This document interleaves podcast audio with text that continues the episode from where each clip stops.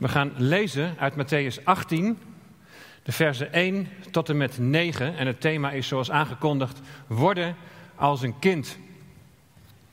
Matthäus 18, vers 1 tot en met 9. Als je Matthäus 18 helemaal doorleest, dan lijken het allemaal zo een beetje op zich staande verhalen. Maar als je heel goed gaat lezen, dan zul je zien dat het een geheel is. Dus dit gedeelte zal ik vandaag behandelen. En dan volgende week het tweede gedeelte van Matthäus 18. Het Matthäus-evangelie, de Joodse verwachting van het koninkrijk, de Bijbelse verwachting van het koninkrijk. En daar gaan we vandaag dus mee verder onder het thema worden als een kind. En dan lezen we het volgende. Op dat moment kwamen de leerlingen Jezus vragen: wie is eigenlijk de grootste in het koninkrijk van de hemel? En hij riep een kind bij zich en zette het in hun midden neer. En hij zei: Voorwaar, ik verzeker jullie, als je niet verandert en wordt als een kind, dan zul je het koninkrijk van de hemel zeker niet binnengaan. Wie zichzelf vernedert en wordt als dit kind, die is de grootste in het koninkrijk van de hemel. En wie in mijn naam één zo'n kind bij zich opneemt, die neemt mij op. Wie één van de geringen die in mij geloven van de goede weg afbrengt, die kan maar beter met een molensteen om zijn nek in zee geworpen worden en in de diepte verdrinken. Ja, dat zijn ook woorden van de Heer Jezus. Wee de wereld met haar valstrikken. Het is onvermijdelijk dat er mensen ten val worden gebracht. Maar wee de mens die de valstrik zet. En als je hand of je voet je op de verkeerde weg brengt, letterlijk staat daar als de hand of je voet je tot een struikelblok of tot een valstrik maakt, hak hem dan af en werp hem weg. Je kunt beter verminkt of kreupel het leven binnengaan dan in het bezit van twee handen of twee voeten in het eeuwig brandend vuur geworpen worden. Brengt je oog je op de verkeerde weg, ruk het uit en werp het weg. Je kunt beter met één oog het leven binnengaan dan in het bezit van twee ogen in het vuur van de Gehenna geworpen worden. Tot zover de schriftlezingen. Best wel een heel ernstig woord van de, van de Heer Jezus. Worden als een kind. Zullen we even teruggaan helemaal naar het begin? Teruggaan naar je geboorte. En je ging door het geboortekanaal. En het schijnt een enorme traumatische ervaring te zijn. Ik kan het me niet zo heel goed meer herinneren. Ik weet niet hoe het met jullie is. En dan de eerste vijf maanden is de hechting van moeder en kind is ontzettend belangrijk. Tussen vijf en tien maanden leer je als baby dat je moeder anders is dan anderen. En je herkent in die periode ook je papa en eventueel broertjes en zusjes die er zijn. Dit is ook een fase van eenkennigheid. Omdat jij je alleen veilig voelt bij bekenden. Tussen 10 en 18 maanden dan komt de oefenfase. Dan ga je erop uit, dan ga je de wereld verkennen. En je ontwikkelt een zelfbewustzijn, waardoor het gemakkelijker wordt ook om mensen buiten het gezin het toe te laten in jouw leefwereld. En dan volgt je peutertijd. Je ontdekt, dat je zelf iemand bent. En je leert ja en nee zeggen. Soms ook heel erg nee. Hè? Je ontwikkelt steeds meer tot een eigen persoonlijkheid, tot een eigen unieke persoonlijkheid. En als kleuter, zeg maar 1, 2 jaar, dan heb je het nodig dat je ouders grenzen stellen. En dat je ook heel duidelijk weet dat er een gezagsverhouding is binnen het gezin. Grenzen en verantwoordelijkheid die gaan hand in hand. Want het is ook je kind natuurlijk belangrijk om je kind verantwoordelijkheid te leren. In je kindertijd en de jaren die dan volgen, ga je groeien. En door hechting en door de gestelde grenzen is er een veilige plek ontstaan. en het besef van eigenheid groeit, je karakter, je geweten wordt gevormd. Emoties gaan zich ontwikkelen. En we weten allemaal ook dat in dat hele proces ook heel veel dingen mis kunnen gaan. En die nog zelfs in je verdere leven gewoon heel veel consequenties kunnen hebben. Zo belangrijk dat dit proces zich gezond ontwikkelt. En dan, ook in, in, in het kleuter zijn, komt het begrip van oorzaak, gevolg en consequenties bij je naar binnen. Heel belangrijk. Dus in die tijd van kleuter en daarna, dat je echt gaat ontdekken van hé, hey, als ik iets doe, dan heeft dat consequenties, dan heeft dat gevolgen. En dan komen we bij de tienertijd. En dan komen we bij de jongelui van groep 8 die vandaag afscheid nemen van de kinderdienst. Die volgend jaar naar de jeugd gaan. Die afscheid nemen van groep 8 en doorstromen naar het voortgezet onderwijs. Best een hele grote stap. En in deze fase wordt voor een heel belangrijk deel je identiteit gevormd. Wie jij bent. Identiteit zegt iets over wie je bent. En je gaat naar het voortgezet onderwijs en je gaat de wereld in en je ouders die moeten je steeds meer loslaten. En neem maar van mij aan dat je ouders dat echt niet gemakkelijk vinden. Jij wilt soms meer dingen zelf beslissen dan goed voor je is, terwijl je ouders soms de touwtjes te strak willen houden. En dat kan spanning geven. Bijvoorbeeld als jij in de ogen van je ouders je negatief laat beïnvloeden door je omgeving. En dat je dingen gaat doen die tegenovergesteld zijn aan, aan wat, wat je van je ouders hebt geleerd. Of dat je dingen tegenovergesteld gaat doen aan wat, wat God wil of wat zijn verlangen is. En je hebt in de kinderdienst heb je geleerd dat God bestaat. Dat Hij jou heeft gemaakt. En afgelopen vrijdag waren ze hier al even bij elkaar. En toen werd de vraag zo gesteld: wie gelooft in God? En het was allemaal ja. Geweldig. Je hebt geleerd bij de kinderdienst dat de Heer Jezus jouw, zijn zoon is. Dat hij gekruisigd is om je zonde te vergeven. En dat hij is opgestaan uit de dood. We zijn het volk van de verrezen Heer, hebben we met elkaar gezongen. Maar nu komt de vraag. Wat betekent nou dit alles voor jou? Geloof je dit echt? En wat betekent dat voor jouw identiteit? Wat betekent dat voor hoe jij nou in het leven staat? Straks naar de middelbare school en weer verder. Weet je, het is zo belangrijk om, om op jonge leeftijd het besluit te nemen dat je een volgeling van de Heer Jezus wilt zijn. Dat Hij koning zal zijn over jouw leven. Dat je bij al je keuzes die je moet maken aan Hem vraagt, Heer, wat zou u doen? Want dat is ook wat ik wil.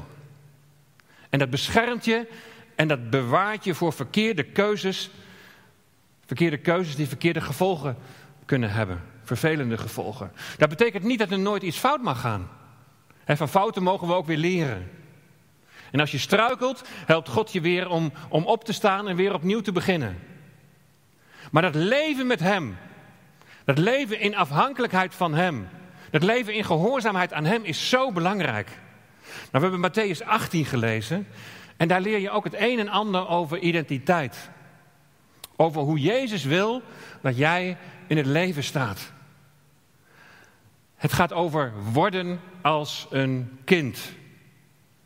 Maar dat wil je natuurlijk helemaal niet horen als je 12 of 13 bent en naar het voortgezet onderwijs gaat. En dan kijk je vooruit. Hoezo worden als een kind? Ik wil volwassen worden. Wat bedoelt Jezus dan met worden als een kind? Nou, Matthäus, zo zei ik al, Matthäus hoofdstuk 18 moet je niet zien als losstaande verhalen, maar als geheel. En zelfs wat eraan vooraf gaat in hoofdstuk 17 is zo van belang om scherp te krijgen wat Jezus hier nu eigenlijk bedoelt. En wat hij zijn leerlingen leert, is ook een les voor jou en mij. En niet alleen voor de jongeren van uh, groep 8, die nu naar uh, Souls Park gaan, maar is ook van belang voor ons. Nou, in, in het eind van hoofdstuk 17, daar is een heel bijzonder verhaal. Daar gaat het namelijk over de tempelbelasting. En jaarlijks moesten ze vanaf hun twintigste moesten ze twee drachmen betalen voor tempelbelasting. En zoals we tegenwoordig met euro's betalen, betaalden ze toen met drachmen en dat was een Griekse munteenheid. En tegen Petrus wordt gezegd dat zijn meester, dus de Heer Jezus, dat hij niet heeft betaald. En Petrus kan niet anders zeggen dan ja, want, want het klopte inderdaad. Hij moest dat erkennen. En hij gaat direct naar Jezus toe om verhaal te halen. Maar Jezus weet al lang dat hij eraan komt. En hij weet ook welke vraag hij heeft. Want hij stelt hem al een vraag voordat hij de vraag kan stellen. En dan vraagt Jezus aan hem: De koningen van de aarde, van wie ontvangen zij tol of belasting? Van hun zonen of van vreemden? Het was namelijk zo dat de familie van de aardse koning, dat hun zonen, die waren vrijgesteld van belasting.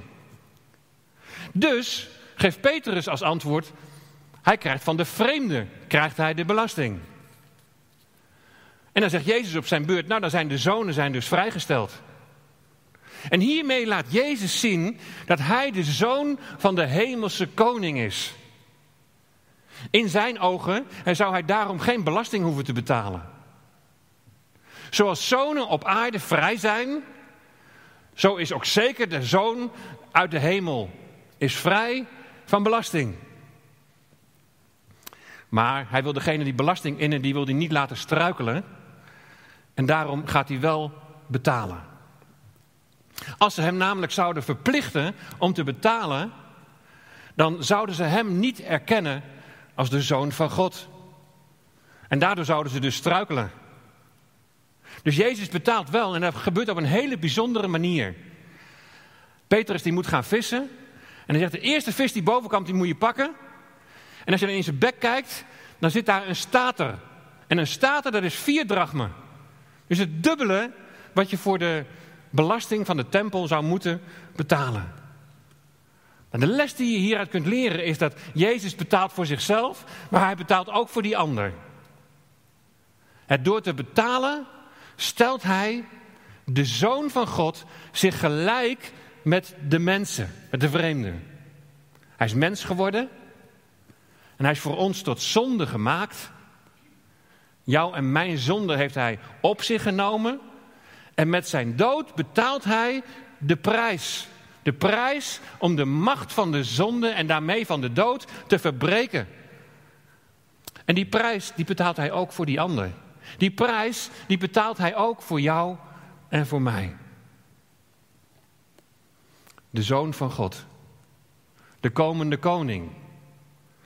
En de vraag is, is hij al koning over jouw leven? Heb je al gezegd, Heer, ik heb ook vergeving van zonde nodig? Heb je vervolgens gedankt voor Jezus offer aan het kruis? Dat hij voor jou de straf op de zonde heeft gedragen. En we gaan nu in hoofdstuk 18 gaan we zien of dit nou slechts theorie is. Of dat dit in jouw leven ook echt een verandering teweeg heeft gebracht. Of een verandering teweeg zal brengen. Nou, vers 1 begint dus met op dat moment. Dat is dat, dus dat moment van die tempelbelasting. Jezus die laat zien dat de weg naar het koninkrijk een weg van betaling zal zijn. Een weg van lijden en sterven. Dit komt steeds weer terug. Dat zagen we ook bij de verheerlijking op de berg. Steeds weer laat Jezus zien, de weg naar het koninkrijk zal een weg zijn van lijden en sterven. Maar de focus van de discipelen is weer helemaal op het koninkrijk. Het vrederijk dat zal komen.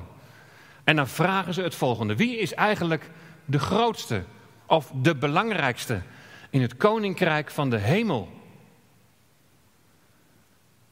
Wie is de grootste? Wie is het belangrijkste in het, straks in het koninkrijk hier op aarde? Dat zal zijn als in de hemel. Zo zou je het ook kunnen lezen. Waar komt deze vraag toch vandaan? Zijn ze misschien jaloers omdat Petrus steeds vooraan staat? Petrus die rots wordt genoemd. Petrus die de sleutels krijgt. Gaan we volgende week nog eens even bij stilstaan. Petrus die erbij was bij de verheerlijking op de berg. Petrus die weer moet gaan vissen en die dan ja, de betaling krijgt voor, voor de tempelbelasting. We, we weten niet precies de reden, maar dit is wel zo'n menselijk trekje. Het gaat om positie. Het gaat om eer. Om belangrijk gevonden te worden. Met zo'n vraag zijn de discipelen eigenlijk niet veel anders dan, dan de schriftgeleerden. En, en, en wat zien we dat veel, ook, ook in onze maatschappij waarin wij leven. Dat mensen zo op het oog heel dienstbaar willen zijn, maar het uiteindelijk gaat om eigen eer en eigen glorie. Kijk, dat je ergens bij wil horen, dat je gezien wil worden, dat je graag waardering ontvangt, en daar is helemaal niks mis mee. Maar als volgeling van Jezus is dit soms wel een heel moeilijk verhaal. En daar moeten we heel eerlijk over zijn. Als erbij horen wordt bepaald door bijvoorbeeld het aannemen van die eerste sigaret. Nou, gelukkig was het bij Veron, zag ik net nog een beetje onschuldig. Het waren lekkere snoepjes. Nou, hou het daar maar ook bij. Maar als erbij horen wordt bepaald door bijvoorbeeld het aannemen van die eerste sigaret of door overmatig alcoholgebruik of drugs. Als erbij horen wordt bepaald door stoer gedrag en meepraten over, over geweld en over seks, wat allemaal op de, op de smartphone zo makkelijk voorbij kan komen. Dan wordt erbij horen, als volgeling van Jezus, wordt wel een heel lastig verhaal. Als je al, voor al deze dingen kiest, dan, dan heeft het altijd negatieve gevolgen. En als het goed is, heb je voor je tienertijd heb je net begrip gekregen van oorzaak en gevolg en consequenties. En sigaretten tasten je longen aan, alcohol tast je lever aan, tast je hersenen aan en helemaal op jonge leeftijd moet je echt niet onderschatten. Een ongezonde seksuele ontwikkeling tast een gezonde emotionele ontwikkeling aan. Waar komt toch die drang bij de discipelen vandaan om, om de belangrijkste te willen zijn? Jij net ietsjes meer dan die ander. En we zien om ons heen dat onze hele maatschappij daarop is gericht. Alles is gericht op prestaties. En voordat je het weet, laat jij je identiteit, wie je bent, laat je daardoor bepalen. Door de hoogte van je cijfers, door de hoogte van je opleiding, en als, je, als het allemaal niet lukt, loop je misschien vast in, in, in een gevoel van falen en, en tekortkomen. Nou, doe dan maar die sigaret of, of alcohol om het gevoel van tekort een beetje te verdoezelen. Laat je identiteit, wie je bent, niet bepalen door prestaties die mensen van je verwachten. Maar laat het bepalen door hoe God naar jou kijkt. Lees maar mee wie hij als de belangrijkste ziet in zijn koninkrijk. Hij riep een kind bij zich en zette het in hun midden neer. Een kind die laat zich roepen. In hoeverre laat jij je roepen door de Heer Jezus om Hem te volgen en om aan Hem gehoorzaam te zijn? Ik weet nog dat onze dertienjarige dochter dat ze gedoopt wilde worden. En we zeiden tegen haar, nou je bent nog wel een beetje jong. Je zit midden in je puberteit. Je bent nog bezig om, om jezelf te ontdekken. Te ontdekken wie je bent. En, en kun je dan al zo'n keus maken? En weet je wat haar antwoord was? Ik ga liever met Jezus door de puberteit dan zonder hem. Jezus riep een kind bij zich en zette dat in hun midden. En dan zegt Jezus in het volgende vers, in vers 3: Voorwaar, ik verzeker jullie, als je niet verandert en wordt als een kind, dan zul je het koninkrijk van de hemel zeker niet binnengaan. Nou, wat bedoelt Jezus hier nu te zeggen? En wat is het kenmerk van een kind? Een kind is nog onvolwassen. Dus een kind heeft verzorging nodig. Een kind heeft leiding nodig. En een kind, en dat staat helemaal in relatie ook tot het geheel van Matthäus hoofdstuk 18. Het, het kind heeft ook tucht nodig om te komen tot een goede en rijpe fase van volwassen zijn. Als Jezus zegt dat ze moeten worden als de kinderen, dan bedoelt hij te zeggen dat je Gods verzorging, zijn zorg over je leven nodig hebt. dan bedoelt hij te zeggen dat je zijn leiding ook nodig hebt. Dat je je leven door hem moet laten besturen. Want hij weet wat het beste voor je is. En dan bedoelt hij ook te zeggen dat je tucht nodig hebt. Misschien een woord dat we niet meer zo gauw gebruiken en ook niet zo, zo kennen. Maar tucht heeft altijd als doel om je te laten terugkeren van de verkeerde weg die je bent ingeslagen. Dus met Jezus wandelen, door je puberteit gaan, betekent dat je daarmee instemt. Met zijn zorg, zijn leiding en ook zijn, zijn correctie in jouw leven. En dat geldt niet alleen voor de jongeren die vanaf vandaag doorstromen naar de jeugd. Maar dat geldt ook voor de volwassenen. Die hier zijn en die meekijken en die meeluisteren. Wat duidelijk in het antwoord van Jezus naar voren komt, is dat ze zich niet druk moeten maken om hun positie. Waar ze zich druk over moeten maken, is hoe ze in het koninkrijk komen. Daar kom je als je weet dat je daar zelf niets aan kunt bijdragen. Als je weet en erkent dat je Gods genade, zijn verzorging nodig hebt. Als je erkent dat je vergeving van zonde nodig hebt en de Heer Jezus daarvoor in jouw plaats aan het kruis is gegaan. Er is toegang tot het koninkrijk als dit niet slechts theorie is, maar jij je echt uitstrekt naar Gods zorg over jouw leven. Als er van binnenuit dat verlangen is om je door God te laten leiden, en, en je bereid bent om je te laten corrigeren als dat nodig is, dan bevestigt dat, dat verlangen, dat de Heilige Geest in je woont. Die je wil leiden achter de Heer Jezus aan. Dat je gaat doen wat Hij wil.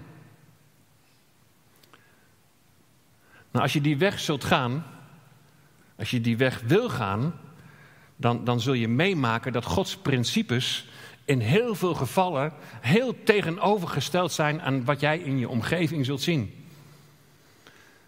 Want waar het in de wereld gaat om eer en roem, daar zegt Jezus, degene die zich vernedert en wordt als een kind, is de grootste in het koninkrijk van God. Je vernederen voor God betekent dat je van Hem afhankelijk wil zijn. Dat Hij je leidt, dat Hij je corrigeert en op de goede weg houdt. En wie in mijn naam zo'n kind bij zich opneemt, die neemt mij op. Dat betekent dat de grootste in het koninkrijk, die heeft, die heeft het verlangen om zo'n afhankelijk zoekend kind te helpen om in te gaan in het koninkrijk. Als je deze ontvangt, zegt Jezus, als je deze helpt met ingaan in het koninkrijk, dan ontvang je mij. Maar wie een van die geringen die in mij geloven van de goede weg afbrengt, die kan maar beter met een molensteen om zijn nek in zee geworpen worden en in de diepte verdrinken. De geringen, de kleinen, dat kunnen ook volwassenen zijn. We kunnen ook jongeren zijn, kunnen tieners zijn. Ze geloven, lezen we hier. Maar de betekenis van geloof is hier veel meer van vertrouwen. Die vertrouwen op, op Jezus. Als ik aan de tieners denk van bijvoorbeeld groep 8. En dan kan ik me voorstellen dat er aan de ene kant dat kinderlijke vertrouwen is. Als je zegt wie gelooft in God, dan zegt iedereen ja. Dat ze een kinderlijk vertrouwen hebben over datgene wat ze gehoord hebben over God en over, over de Heer Jezus tijdens de kinderdienst. Maar tegelijkertijd zit je dan in, in, in, zo in een tijd van, van zoeken naar je identiteit. En heeft ook de wereld om je heen een hele grote invloed. Een wereld om je heen die je aan het twijfelen zal willen brengen. Die je zal proberen te verleiden tot andere keuzes dan waarmee je bent opgevoed. Als het geloof theorie is en, en nog niet echt die, die veranderende werking heeft gehad, dan is het allemaal heel, heel teer en, en heel kwetsbaar. Wee de wereld met haar valstrikken. Voor valstrik staat in het Grieks het woordje skandalon. En een skandalon is een stokje met lokaas dat bij een val wordt geplaatst om het dier te lokken. En overal staan stokjes met lokaas om je de verkeerde kant op te trekken. En wat heb je dan uit je opvoeding meegekregen? En in hoeverre weet je al door, door je kennis van het woord van God wat goed en wat fout is? En, en durf je dan ook soms een keus te maken die je niet direct populair maakt bij je, bij je klasgenoten?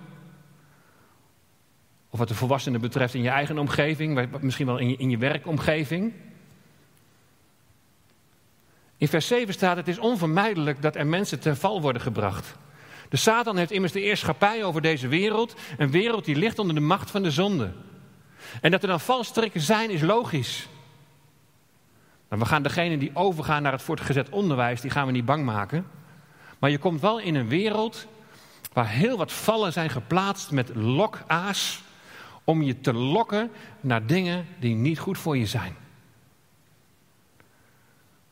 En als ouderen hebben we net zo goed met deze verleidingen te maken. We weten het als geen ander. En daarom, omdat we het zo goed weten, willen we ook onze kinderen daarvoor beschermen en willen we ze, willen, willen we ze waarschuwen. Maar ja, we moeten ze ook loslaten en zijn eigen verantwoordelijkheid geven. Eerder werd je als kind daar nog voor beschermd, omdat je ouders zoveel voor jou beslisten. En je bij bepaalde dingen vandaan hielden. Maar nu ga je je eigen keuzes maken. En wat is dan belangrijk?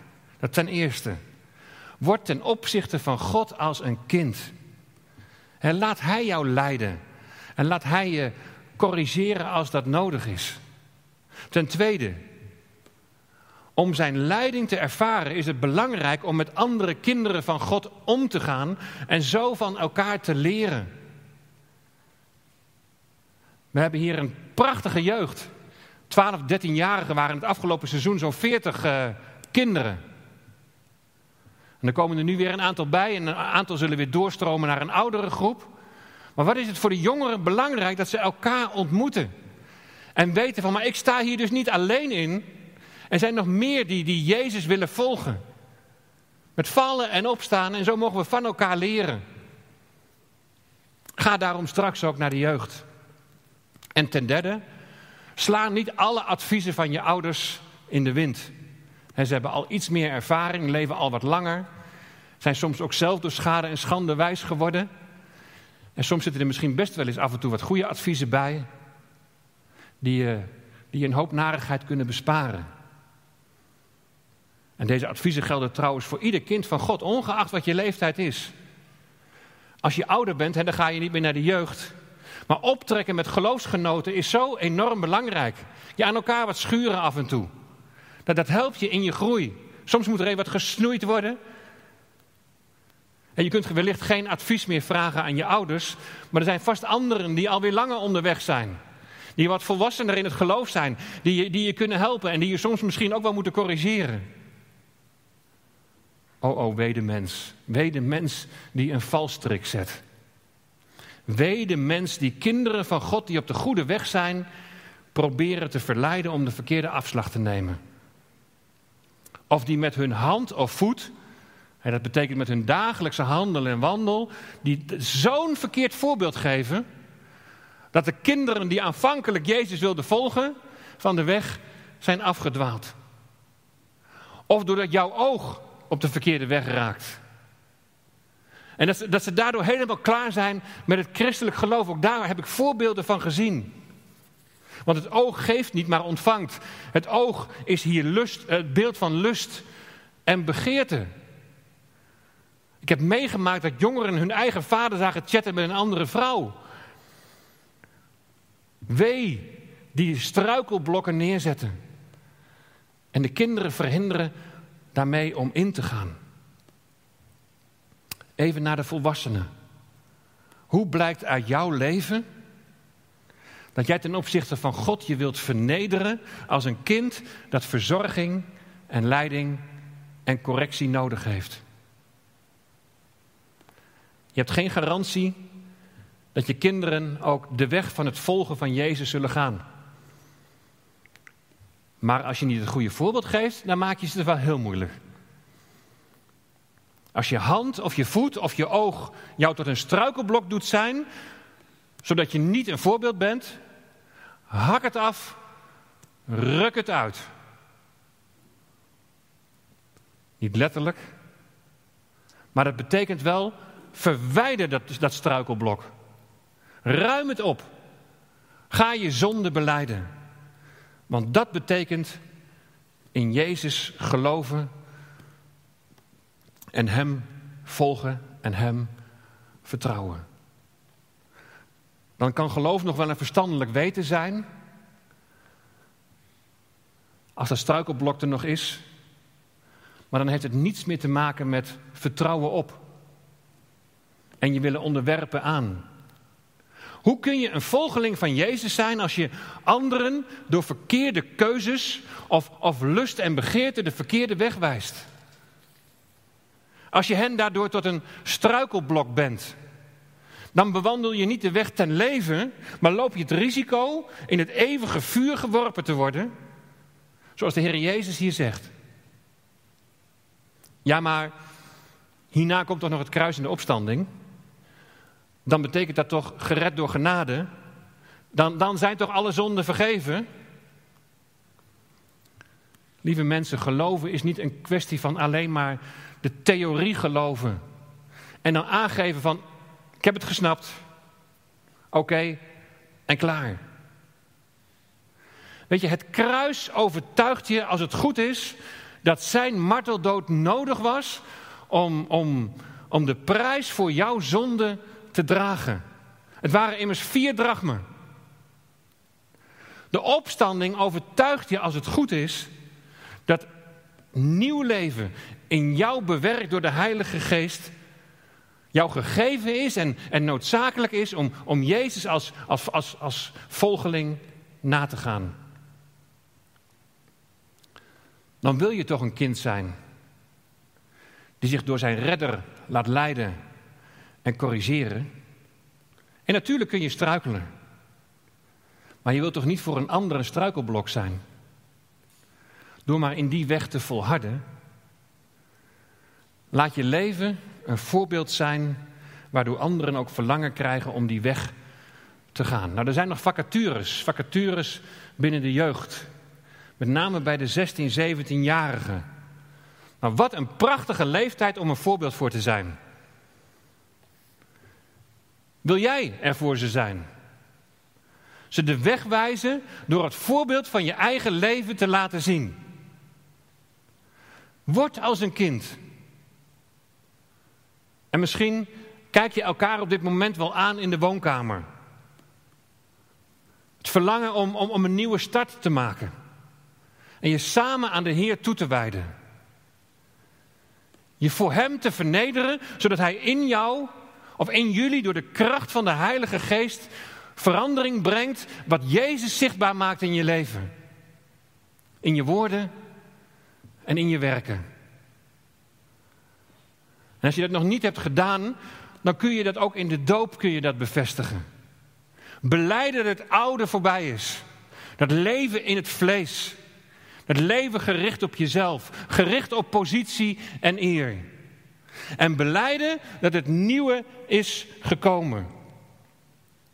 Het verwondert me dat er eigenlijk het hele jaar nog geen doopaanvragen zijn geweest. En misschien denken mensen wel van ja, maar hoe dan? En dat kan toch helemaal niet in deze tijd? Nou, het kan zeker wel in deze tijd. Er hoeft helemaal geen belemmering te zijn. Ik heb een contactberoep, officieel. Dus dopen mag. En anders vinden we daar wel andere wegen in.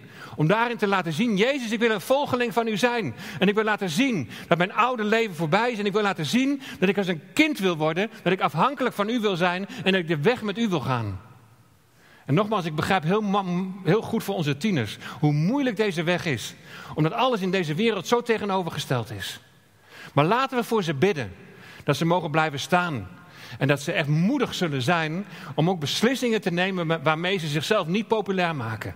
Maar dat ze echt dat diepe verlangen zullen hebben. Heer Jezus, ik wil doen wat u zegt. En ik wil u volgen. Ik wil die weg ten leven. En niet die weg naar het oordeel. Zo'n nieuwe wandel kun je niet alleen.